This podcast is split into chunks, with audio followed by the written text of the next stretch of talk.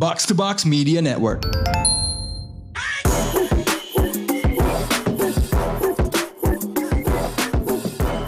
What up, what up? You're now listening to the most valuable basketball and politics and current affairs podcast in Indonesia. Box Out Indonesia is in the house dan seperti biasa, gua Raditya Alif di sini bermain sebagai point guard ini gue nyebutnya lineup hari ini adalah small ball karena kita nggak punya center kayak atau po- atau point forward kayak Amar. Gue nyebutnya nih dua temen gue wing duo. Ada Tufel Muhammad sama Gamal Sidarta. What up, what up? What's up, what's up, man? What's up, politics people? Yo, what yo, up, G. what up? Yo, what up, Wibus? gue tuh sebenarnya nyebut lo wing karena versatile kan, Cia. Bisa ngomongin yang off the court, on the court, data, hot takes. Tapi di sisi lain kalian berdua tuh agak misguided kan, suka wing stop ya. Eh, yang, syarat yang, Wingstop. yang, yang baru jauh soalnya gue belum nyoba. eh tapi I am willing to concede a little bit a little bit of ground karena gue dua hari yang lalu gue pesen Wingstop yang lima potong lemon pepper. Kayaknya lemon lemon pepper itu gue masih bisa. Tapi kayaknya kalau udah makan 7-8 tuh gue udah agak enak. Tapi yang crunchy kayaknya gue bisa sang. Lu mesti cobain ada konten baru nih apa? Uh, Moon Chicken lu nyobain belum? Oh Belum, itu yang agak Korea kan tapi take Agak away. Korea tapi legit. Ah, Uh, really? Cobain, cobain. Nah. Itu tuh lu makan di tempat apa take away banyak kan Gua- kalau mau chicken? gue go food, go food. Delivery. Go. Lokasi Oh, di mana? oke. Lokasi di mana itu? Dia uh, Karena saya dari Depok. Karena saya dari Gue Depok. ngecek, gue ngecek di. IG-nya dia ada beberapa lokasi sih. Jadi Hmm. kayaknya uh, coverage-nya lumayan. Ah, ini emang Tufel nih memang selalu menunjukkan sebagai seorang chicken wing enthusiast ya. Aficionado. Wings Aficio- aficionado. Wings aficionado. Uh, by the way, lu kayaknya ke kilas balik sebulan yang lalu ketika Super Bowl itu lo bikin wing sendiri ya? Exactly, ya ya ya. Gue Oh, kayak mencoba ingin memasuki tradisi keluarga Amerika di mana di Super Bowl Day itu gue masak chicken wing sendiri, ngetos sendiri. Gue sampai beli saus buffalo wings yang yang katanya OG di buffalo wings. Ya gue beli dan gue bikin. Surprisingly lumayan juga. Lumayan juga. Saus yang OG itu apa men? Frank's namanya Frank's Red Hot Sauce. Oh, oh, jadi pedes ya jatuhnya ya? Eh ya ya. Lu belinya di mana, Pel? Ada di Tokopedia itu. Oh, Oke. Gue kira ada Oke. over, over the counter gitu enggak ya? Kayaknya ada ada yang bilang sih dia dijual di Aeon kalau salah. Atau gue tapi. So you you glaze the wings apa gimana men? Iya awalnya gue lihat-lihat resep di YouTube dan ya gue tumpuk pakai tepung lah, gue kasih apa bumbu-bumbu salt and pepper terus gue goreng. Habis itu udah selesai digoreng, gue tos di sebuah bucket, tumpahkan dengan saus, ditos, jadi it's pretty, pretty good man, pretty good. Do you do, do you have a name kan kalau Lou Williams kan apa tuh Lou Salt and Pepper Magic something ah no, not Do, yet, not do, yet. do you have a name? Oke, Not I yet, am not. I am expecting nanti kalau lo udah ngerasa hasilnya cukup legit untuk disebarkan kepada publik, lo post and I expect a gangster name for your wings ya. I will, I will. I will, I will. Oke oke enough talking about chicken wings. Um, you know what? Gue ngerasa seorang Zlatan Ibrahimovic itu tidak akan senang kalau dengerin box out. Dia pasti akan bilang kalau eh lu kan podcaster basket. Lu ngapain ngomongin isu-isu politik? Isu-isu sosial gitu. Ya mohon maaf Bung Selatan, ya kita ketika ngomongin basket kebetulan pemain-pemain basket kita suka ngomongin isu-isu yang dekat dengan mereka dan mengadvokasi isu-isu tersebut ya. Yang kemudian sama orang mungkin bisa dipolitisize gitu. Cuman gimana ya ini yang lagi dihebohin kan soal statementnya Zlatan kan. Ketika dia bilang kalau dia itu tidak suka ketika yang namanya atlet itu dabbles with politics. Let athletes be eh, let, let athletes be athletes. uh, let politicians be politicians. Kemudian di counter sama LeBron James tanpa kayaknya LeBron James ketika lagi balas komennya Zlatan tuh nggak pakai baju ya. Kayak ya udah ini kayak just so casual gitu dan dia ceritain apa yang dia lakukan yang satu dunia udah tahu. Kemudian yang menurut gua counter punch yang tidak bisa di halau sama Zlatan adalah ketika dia bilang bahwa lo bukannya di Swedia juga ngomong soal isu rasial ketika lo agak dipinggirkan karena dia kan keturunan kan. Gue lupa ya Eropa Timur Balkan kalau nggak salah makanya namanya Vic kan. Abis itu si Zlatan double down lagi tetap kekeh gitu. Cuman menurut gue the matter was settled. Um, to fail, Yo. lu sebagai ini orang nggak banyak yang tahu ya. Lo fan sebenarnya fans Juventus nih, Iya. yang pernah diperkuat Zlatan. Iya. Tapi di sisi lain, lu avatar clubhouse lo adalah Daniel Kaluuya di film Black Messiah. Nah. Out Daniel Kaluuya. Bagaimana polemik lu ngelihat statement Zlatan yang udahlah ini menurut udah cukup jelas bahwa ini is so ignorant, it's so out of touch. gue sih langsung absolutely pro LeBron di sini ya. Cuma gue agak agak agak sedikit kasihan aja ya sama LeBron setiap kali eh selalu aja ada pihak-pihak luar tuh yang bilang shut up and dribble gitu istilahnya ke dia. Hmm, Ini kan istilahnya shut up and dribble dalam versi halus gitu loh kayak ya. kalau dia exactly ngomong gitu kan agak sangat banget ignorant. Tapi menurut gue mungkin gue mengerti ya maksudnya Zlatan tuh adalah you just stick to what you do best gitu dan kalau kata-kata yang dia bilang kan athletes shouldn't be politicians dan kalau kita berkaca ke apa yang dilakukan LeBron menurut gue dia juga yang dia lakukan sih kalau menurut gue ya bukan exactly do politics juga gitu. Dia kan lebih mengangkat meng- lebih menggunakan platformnya untuk eh, untuk menggunakan to make real changes on orang-orang sekitar dia gitu. Kayak misalnya meng- meng- mengadakan program more than a vote untuk menambah orang yang untuk menambah orang yang voting terus eh, dan beberapa hal-hal lainnya. Tapi menurut gue dia juga bukannya yang eh, istilahnya kalau menurut gue sih yang dilakukan LeBron itu tidak sama sekali tidak divisive gitu. Tidak ter- tidak bisa dimasukin juga ke sebuah tindakan yang to politics for people. Itu menurut gue cuma ya itu tadi hanya menggunakan platform dia sebagai atlet yang besar untuk cause yang dia menurut dia peduli gitu. Dan menurut gue itu bukanlah sebuah act yang harus di tone down gitu loh. I kind of feel people often conflate politics and politicized. Ya ya ya. Karena kan sebenarnya kalau kita ambil kasusnya LeBron ya, misalnya dia melakukan more than a vote, itu kan to get people to vote. Tapi kan dia tidak menentukan pilihan voting dari orang-orang yang dia bantu Ya, vote. exactly. Right. Exactly. Jadi sebenarnya aktivismenya dikerahkan untuk membantu proses demokrasi gitu.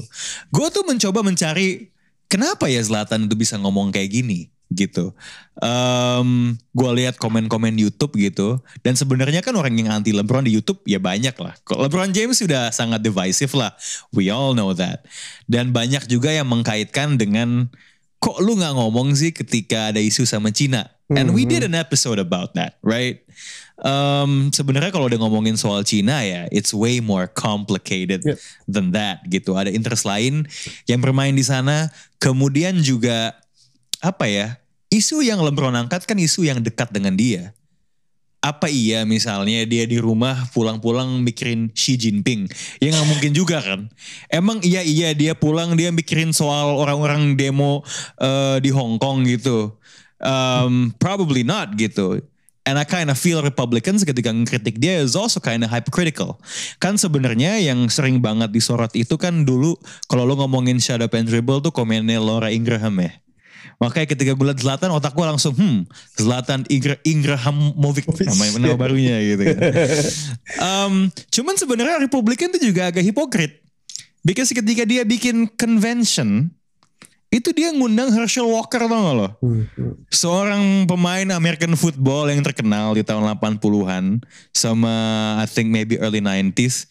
Jadi sebenarnya sih nggak ada hubungannya sih. Menurut gue sih ketika ada orang-orang di Amerika khususnya yang berkomentar negatif to what LeBron's doing, they are the one who is actually injecting their politics into the conversation. Gitu. Eh, Gamal, lo sebagai the common white man, how do you see this this this matter? Eh, ya gue setuju sama lo berdua gitu. Eh, eh, tadi yang Tufel bilang juga LeBron tuh bukan ngomongin politik tapi ya dia dia bukan bukan politik yang eh, jadi caleg atau eh, dia bawa partai atau gimana kan dia aktivisme aja gitu. Dia dia peduli sama satu hal dia, dia punya platform dan dia menggunakan platform itu untuk ya itu hal-hal yang dia peduli gitu kan. Dan kalau misalnya ngomongin politik kenapa kenapa mesti dilarang gitu? Karena gue aduh pernah baca di mana sih ada ada quote yang bilang ya you cannot you cannot not talk about politics karena se- semua aspek hidup lo kan sedikit banyak dipengaruhi oleh keputusan-keputusan politik dari pemerintah gitu kan.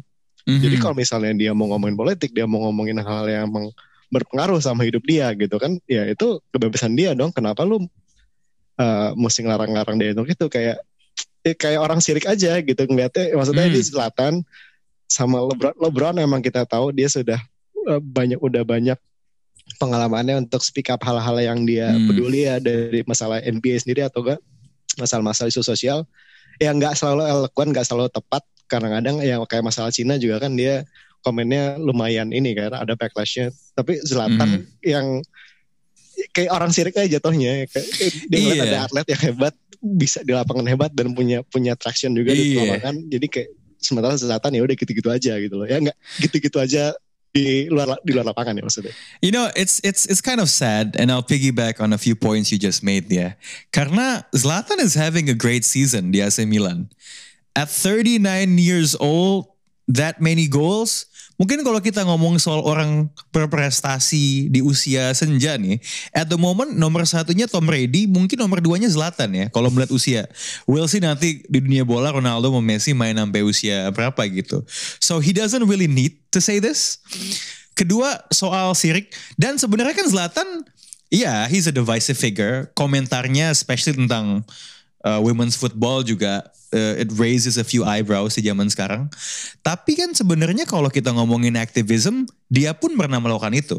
Terlepas dari di apa dia mencoba melawan rasisme terhadap orang Balkan terkait dengan namanya di Swedia. Plus dia kan pernah ada satu kampanye di mana dia eh, ngetato badannya dengan gue lupa ya nama refugee atau apa gitu dan dia nyumbangin proceednya itu eh, proceed charity-nya itu untuk untuk ya udah untuk amal gitu loh untuk orang yang membutuhkan gitu so in some respects terkadang he's also fighting the good fight nah poin soal sirik nih gue denger podcastnya The Ringer yang Stadio, yang Ringer FC, yang bola tuh, yang hostnya Ian Wright tuh. Terus salah satu kontributornya, I think it was Ryan Hunt or someone gitu ya. Dia bilang, ini kayaknya Zlatan masalahnya soalnya ketika dia di Los Angeles dia pernah nggak diundang ke party atau apa men. Jadi emang dia itu jealous banget gitu kayak apalagi kan sebelum LeBron datang kan bola nggak mungkin paling naik lah ya in any city in the US. Mungkin Los Angeles lumayan soalnya imigran Latino mungkin banyak. It's close, it's closer to the border than many cities gitu. But kan ya dengan sesumbarnya dengan persona dia yang larger than life dengan brandingnya yang kayak Chuck Norris ya bola kan he always has to make it seem like he's the biggest thing. Kita ingat kan ketika LeBron datang kan dia bikin iklan di koran kan. Gue lupa tuh kopinya kayak welcome to the king from a god apalah gitu loh. Em, makin ke sini emang makin berasa tuh dia terlalu mikirin legacy dia di luar lapangan yang terbangun oleh quotes quotes dan persona ini gitu loh. Um, I mean mungkin ya mungkin ya. Kan makin ke sini aktivisme itu hal-hal di luar lapangan kan semakin sering kan like pemain-pemain atlet-atlet terangkat karena itu kan. Kalau di basket obviously there's LeBron. Kalau di bola ada Marcus Rashford ya he's probably the only reason why Manchester United is, is likable ya sebenarnya ya Marcus Rashford gitu. Um, and banyak contoh lainnya. And Zlatan maybe he kind of feels like shit this activism boat has sailed. What can I do about it? Kalau misalnya I jump into this then gue ngejarnya akan susah nih. Lebih susah daripada gue ngejar prestasi dan jumlah golnya Ronaldo sama Messi. So maybe I'm just gonna stand up here and I'm gonna belittle it gitu So I'm like ya sayang aja sih. Dan the irony is that semakin dia melakukan ini, ini gue um, gua mengutip Zach Zach Lowe di sini, platformnya LeBron bakal semakin gede. Ya. And semakin platformnya LeBron semakin gede, semakin Zlatan kelihatan kayak idiot sih. So sayang aja, sayang aja sih gue dengan ini dan semua ini. kalian tadi kan mention ketika isu Cina itu naik dan sebenarnya komennya LeBron tuh tidak terlalu memuaskan gitu kan. Sebenarnya ironinya adalah dia kan bilang dia hanya speak on something that dia feel close to yang dia benar-benar punya pengetahuan gitu. Bener, bener. Dan dengan melakukan itu sebenarnya dia sudah melakukan apa yang diminta Zlatan kan. Zlatan diminta you just speak you what do what you do best gitu kan. Hmm. Dan dengan dan ya kalau di sisi LeBron what I do best ada yang di sekitar gua gitu dan which is play basketball and taking care of my surroundings dan dengan dia tidak speak on China menurut gue ya dia sudah menerapkan itu dan ya, kalau kita lihat berkaca juga apa yang dilakukan LeBron semuanya tuh semua ber- berasal dari emang yang, yang di sekitar dia gitu. Speaking on police brutality dia sebagai black people di Amerika itu pasti hit close to him. So he so he act on it. Terus apa isu tentang voting itu juga emang sebuah sebuah isu voting suppression yang udah lama banget di Amerika. Dan he felt that shit and dia act on it gitu. Jadi menurut gue dia sudah menerapkan apa yang sebenarnya di inginkan Zlatan gitu. Tapi tapi tapi ini gak sih? Maksudnya makin makin makin ke sini tuh ekspekt- ekspektasi eh, publik kepada public figure atlet ataupun orang lain gitu ya itu makin makin gak masuk akal gitu loh. Kayak misalnya komennya itu deh eh, waktu awal-awal covid kan pernah ada si Jurgen Klopp ditanyain gimana sih pendapat lo tentang covid yang dia dia ngejelasin kok kenapa sih lo mesti nanya ke gue gue kan gue kan football coach gitu gue bukan Hmm. bukan dokter gue bukan nakes. Kenapa lu Right. nanya ke gue yang orang yang nggak punya pengetahuan next to zero? Gitu kan. Dan ya maksudnya apa yang dilakukan LeBron waktu Cina ya essentially itu kan. Dia dia nggak tahu isunya kayak gimana. Dia mungkin nggak ada waktu untuk educate himself on the issue dan untuk punya pendapat yang 40 untuk dia sebarkan keluar terus orang kayak lu sebagai public figure dan bla bla bla bla lu mesti punya pendapat Eh, nggak masuk akal aja nggak sih kalau Iya. gitu ya setuju setuju For sure, for sure. I mean, yeah, ultimately you talk at what you know. Dan sebenarnya dari this small skirmish, LeBron dengan aktivismenya is doing what he knows best. Zlatan Ibrahimovic ngomongin tentang ekspektasi orang terhadap atlet basket, maybe that's something he doesn't know best. Iya, iya. right? So, look, Zlatan, this is one battle where it might be best for your own interest, for your fragile legacy to sort of step back a little. You're having a good season. Yeah. How about you shut up and dribble? Hey, Bo- box out most valuable soccer podcast in Indonesia. Um, tapi ya udah untuk menghormati Zlatan, kita ngomongin basket aja, ya. Um, ada sebuah tim yang lagi banyak dibahas karena performanya cukup mengejutkan. Banyak yang merasa tim ini asik, tapi bagi gue, gue tidak akan pernah pro sama tim ini. Bagi gue tim ini lebih baik memang jadi bahan olokan saja. Seperti selama 50 tahun terakhir. Bagi gue tim ini adalah Tottenham Hotspur-nya NBA sebenarnya. ya. Kalau ini di Twitter ini gue nyebut nama timnya ada satu dua huruf yang mesti gue sensor aja biar kelihatan disdain gue tuh kayak apa. And I sound really biased, but fuck it. Uh, the New York Knicks, surprisingly, tim yang selalu dianggap akan di basement, surprisingly, are around 500 and they're in the middle. They're, lima lima terakhir mereka berapa? 5 atau 6? Lima, lima lima. lima lima di Oke, so intinya they're a playoff team right now. Oke. Uh, Julius Randle masuk All Star. Banyak yang bilang, wow ternyata nih, uh, defense-nya bagus kan. Uh, one of the top rated in the NBA. So ini to borrow a quote uh, yang dilempar, uh, sebuah pertanyaan yang dilempar sama Tufel di grup box out. Are the Knicks for real?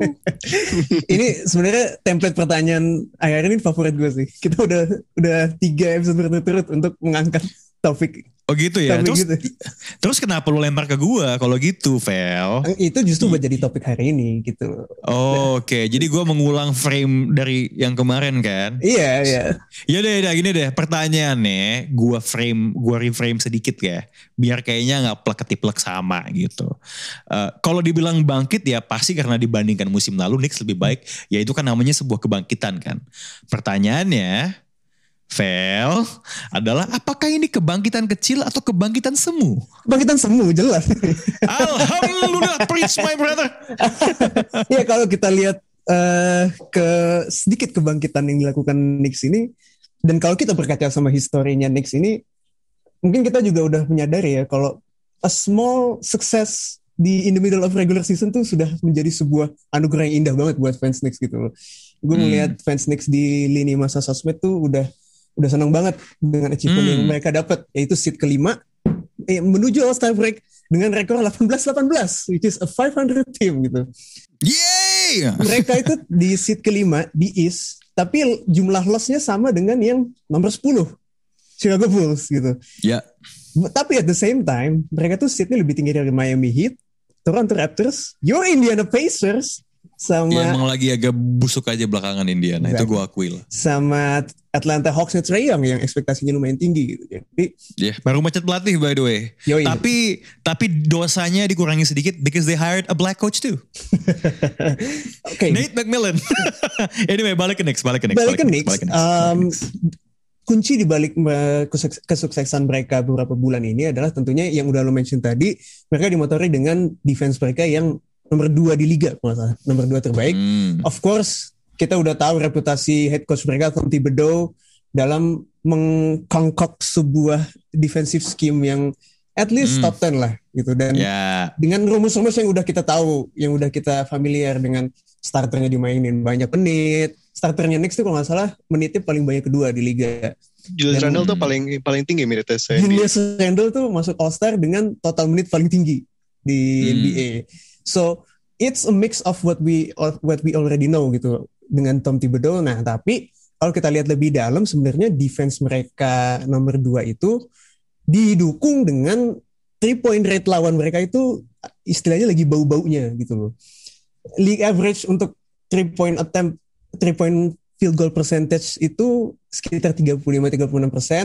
Nah, tapi lawan-lawannya Knicks is, has been surprisingly unlucky in hitting those shots gitu.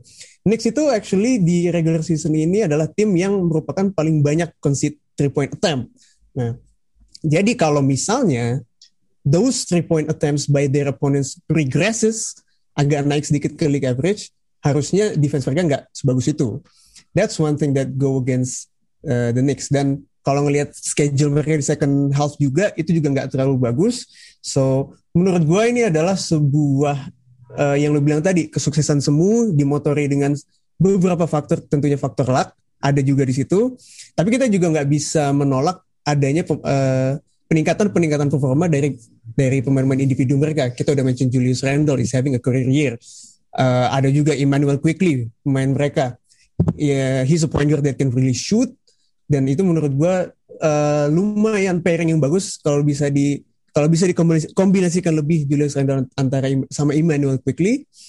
So it's a mix of what of we, what we already know sama a mix, ah, ditambah juga ada faktor-faktor baru kayak Julius Randle sama Emmanuel Quickly.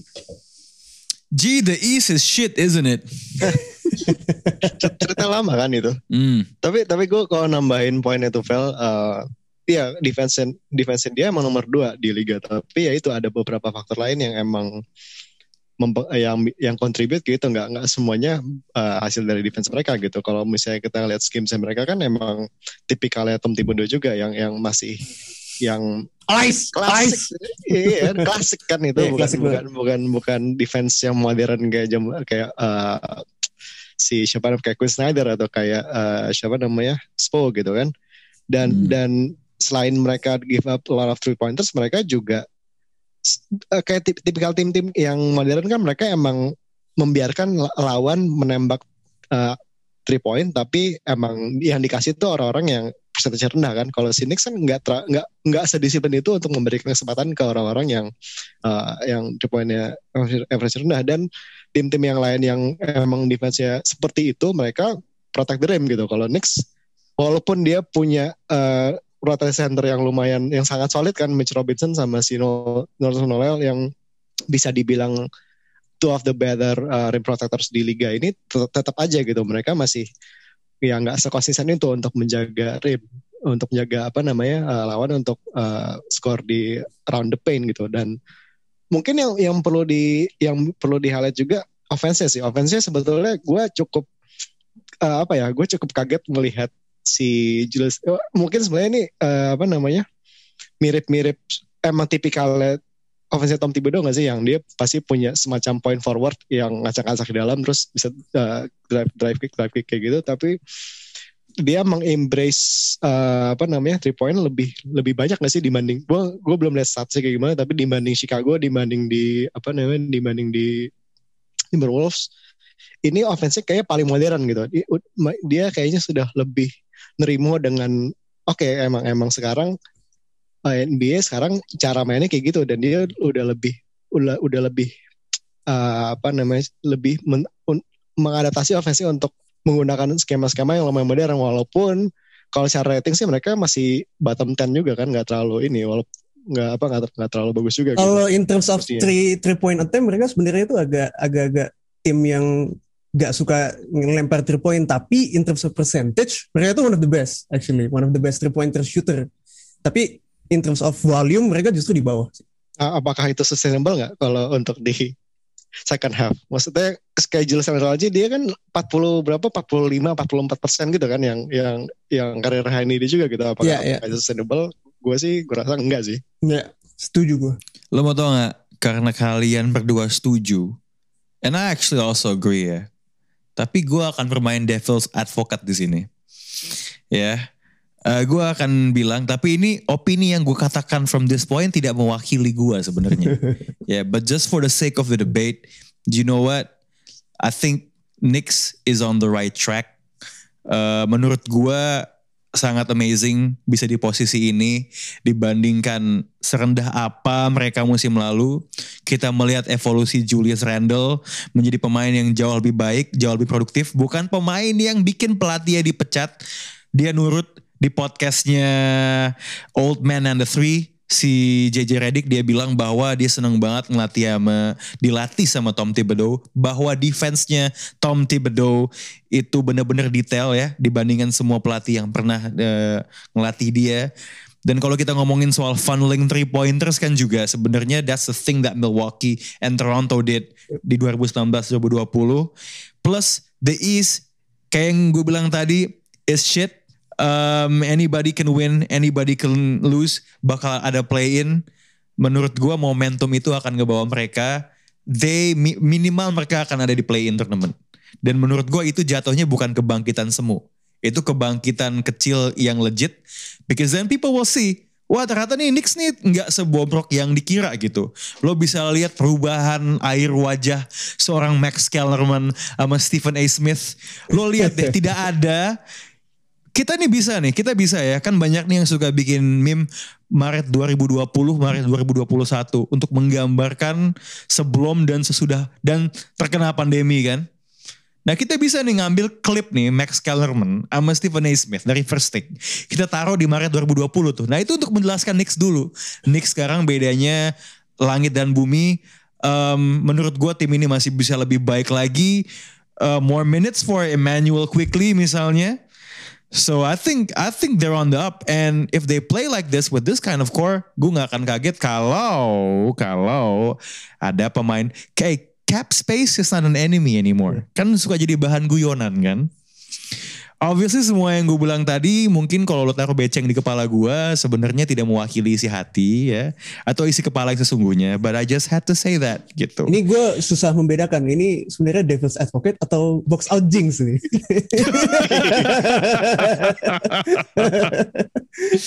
hey, hey, tapi you know what I hate about New York ya? Lu udah 50 tahun, lu gak menang apa-apa ya. Kayaknya gue pernah bilang deh, kalau lu nonton film Soul di barbershopnya, ada poster yang eh, isinya adalah poster kemenangan New York Knicks di tahun 70-an. The last time they won something lah. Lo pasti pernah denger ceritanya Spike Lee itu masih bocah di situ. He was still like 5, 6, 7 years old. That, that is, lu bayangkan satu juara itu tuh membuat dia bertahan di, di, di, di defense Knicks sampai sekarang gitu. Bahkan habis berantem sama James Dolan soal pintu keluar kan. Cuman yang gue sebelin nih dari Knicks ya. Udah prestasinya seseret itu. Lu baru 500 aja.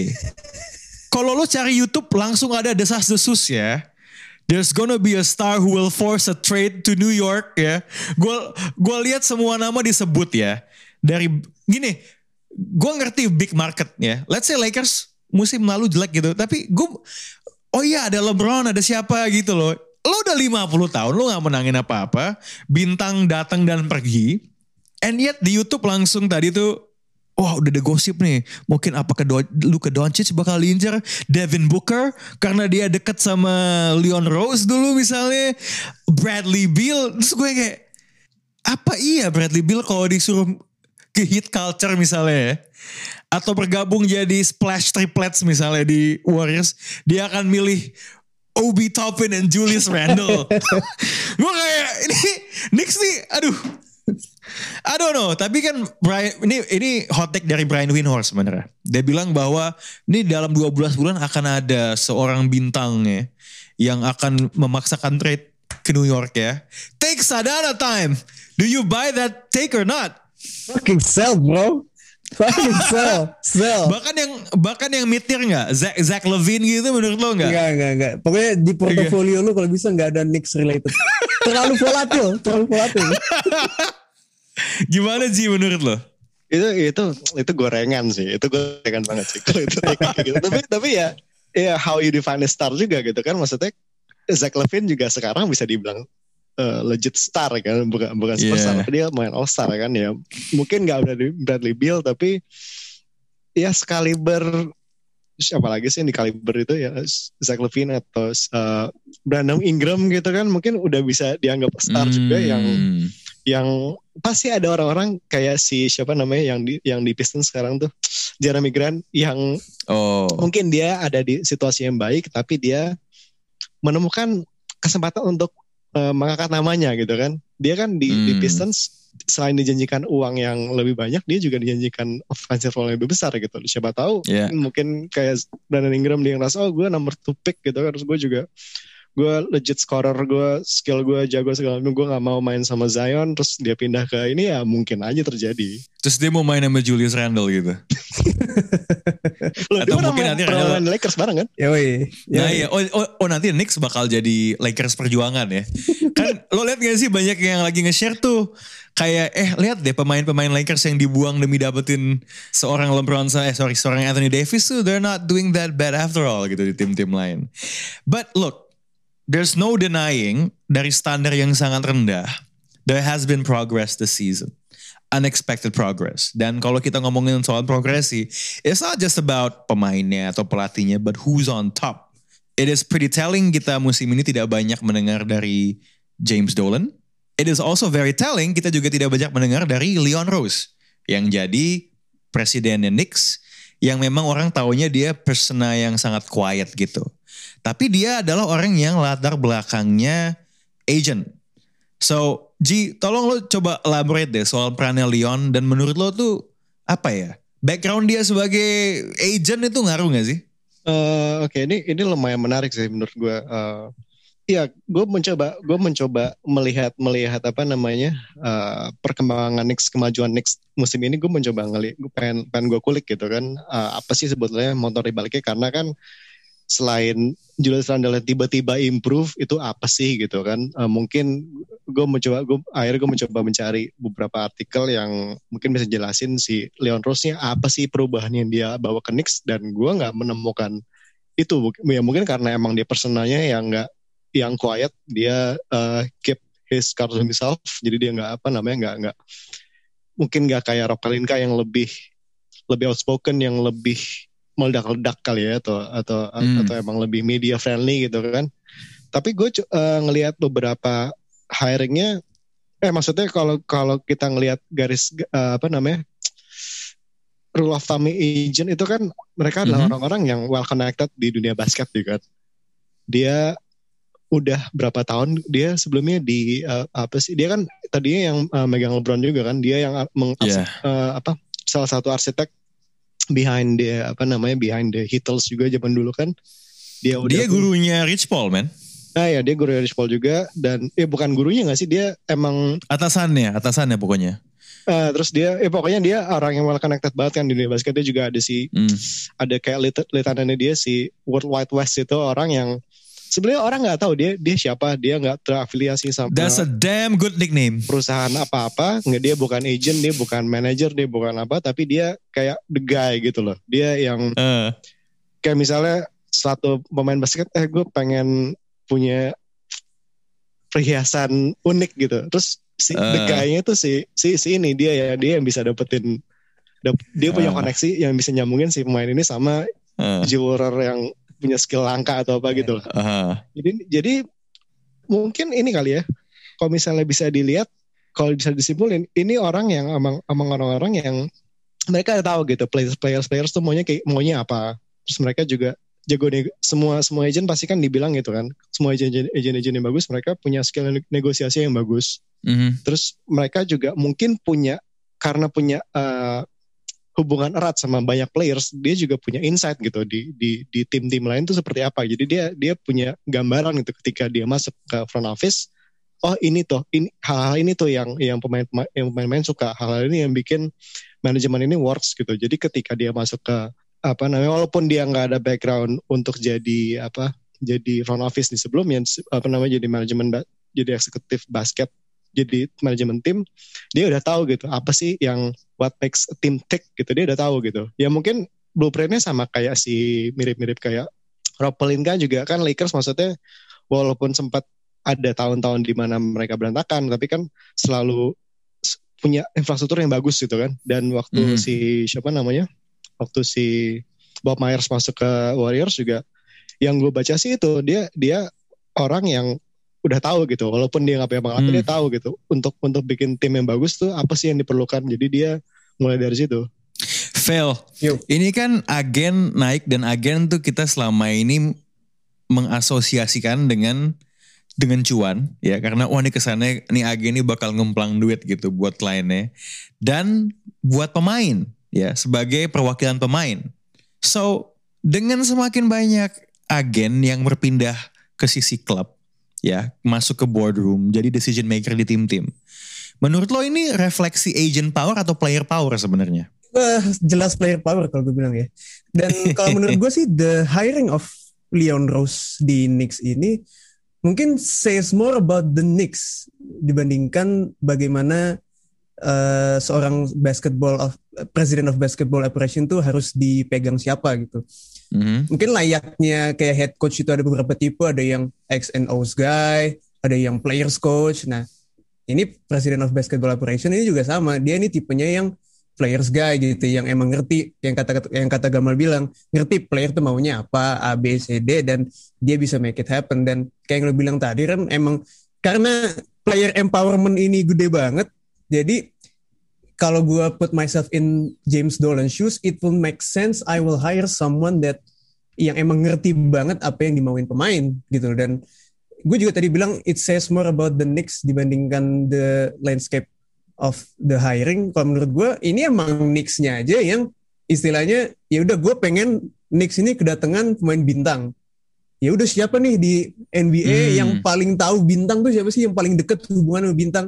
Ya Leon Rose yang pernah wakilin LeBron, Karl Anthony Towns, Chris Paul ya udah gue hire dia aja dia udah paling relationship paling paling bagus di sini dan mungkin dia melihat kesuksesan Rob Pelinka di situ, kesuksesan Bob Myers di Warriors, yang yang kata kata, kata Gamal bilang sebenarnya tidak murni karena dia seorang agen gitu, tapi karena memang infrastruktur sudah bagus, jadi dia nge-hire oke Leon Rose ini cocok gitu. Jadi gua nggak tahu apakah ke depannya ini akan merefleksikan shift sebenarnya ag- agen itu lebih bagus. Sebenarnya pada saat nge-hiring Leon Rose itu kan opsinya Knicks kan bisa nge-hire Masai Ujiri kan.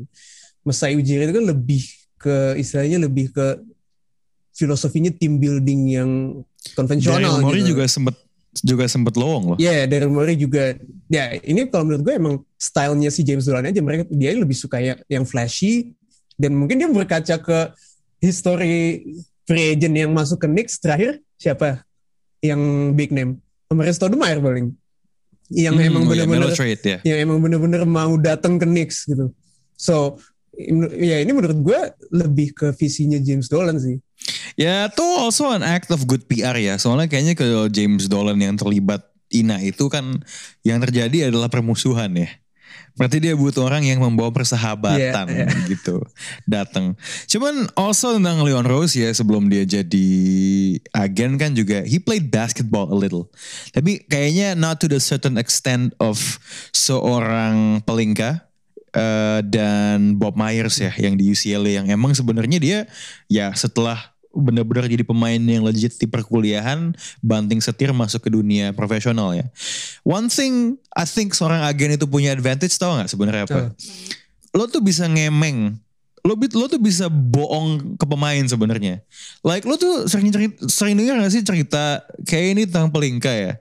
yang karena dia itu bestinya Kobe. Jadi lo bisa menggunakan pemain sebagai sahabat Hmm. terdekat lo tuh sebagai suatu kesan yang dia bilang kalau iya nih Kobe itu obses banget eh saking obsesnya dengan orang yang excellent di bidang lain tahun 2008 dia ini obses dengan penampilan Heath Ledger di Joker dia undang Heath Ledger kan udah meninggal waktu Iya, itu iya, that was Iya. crazy. That was crazy. Terus, tapi ya maksud gue, gue nggak akan kaget kalau yang model kayak gini eh, makin kejadian gitu.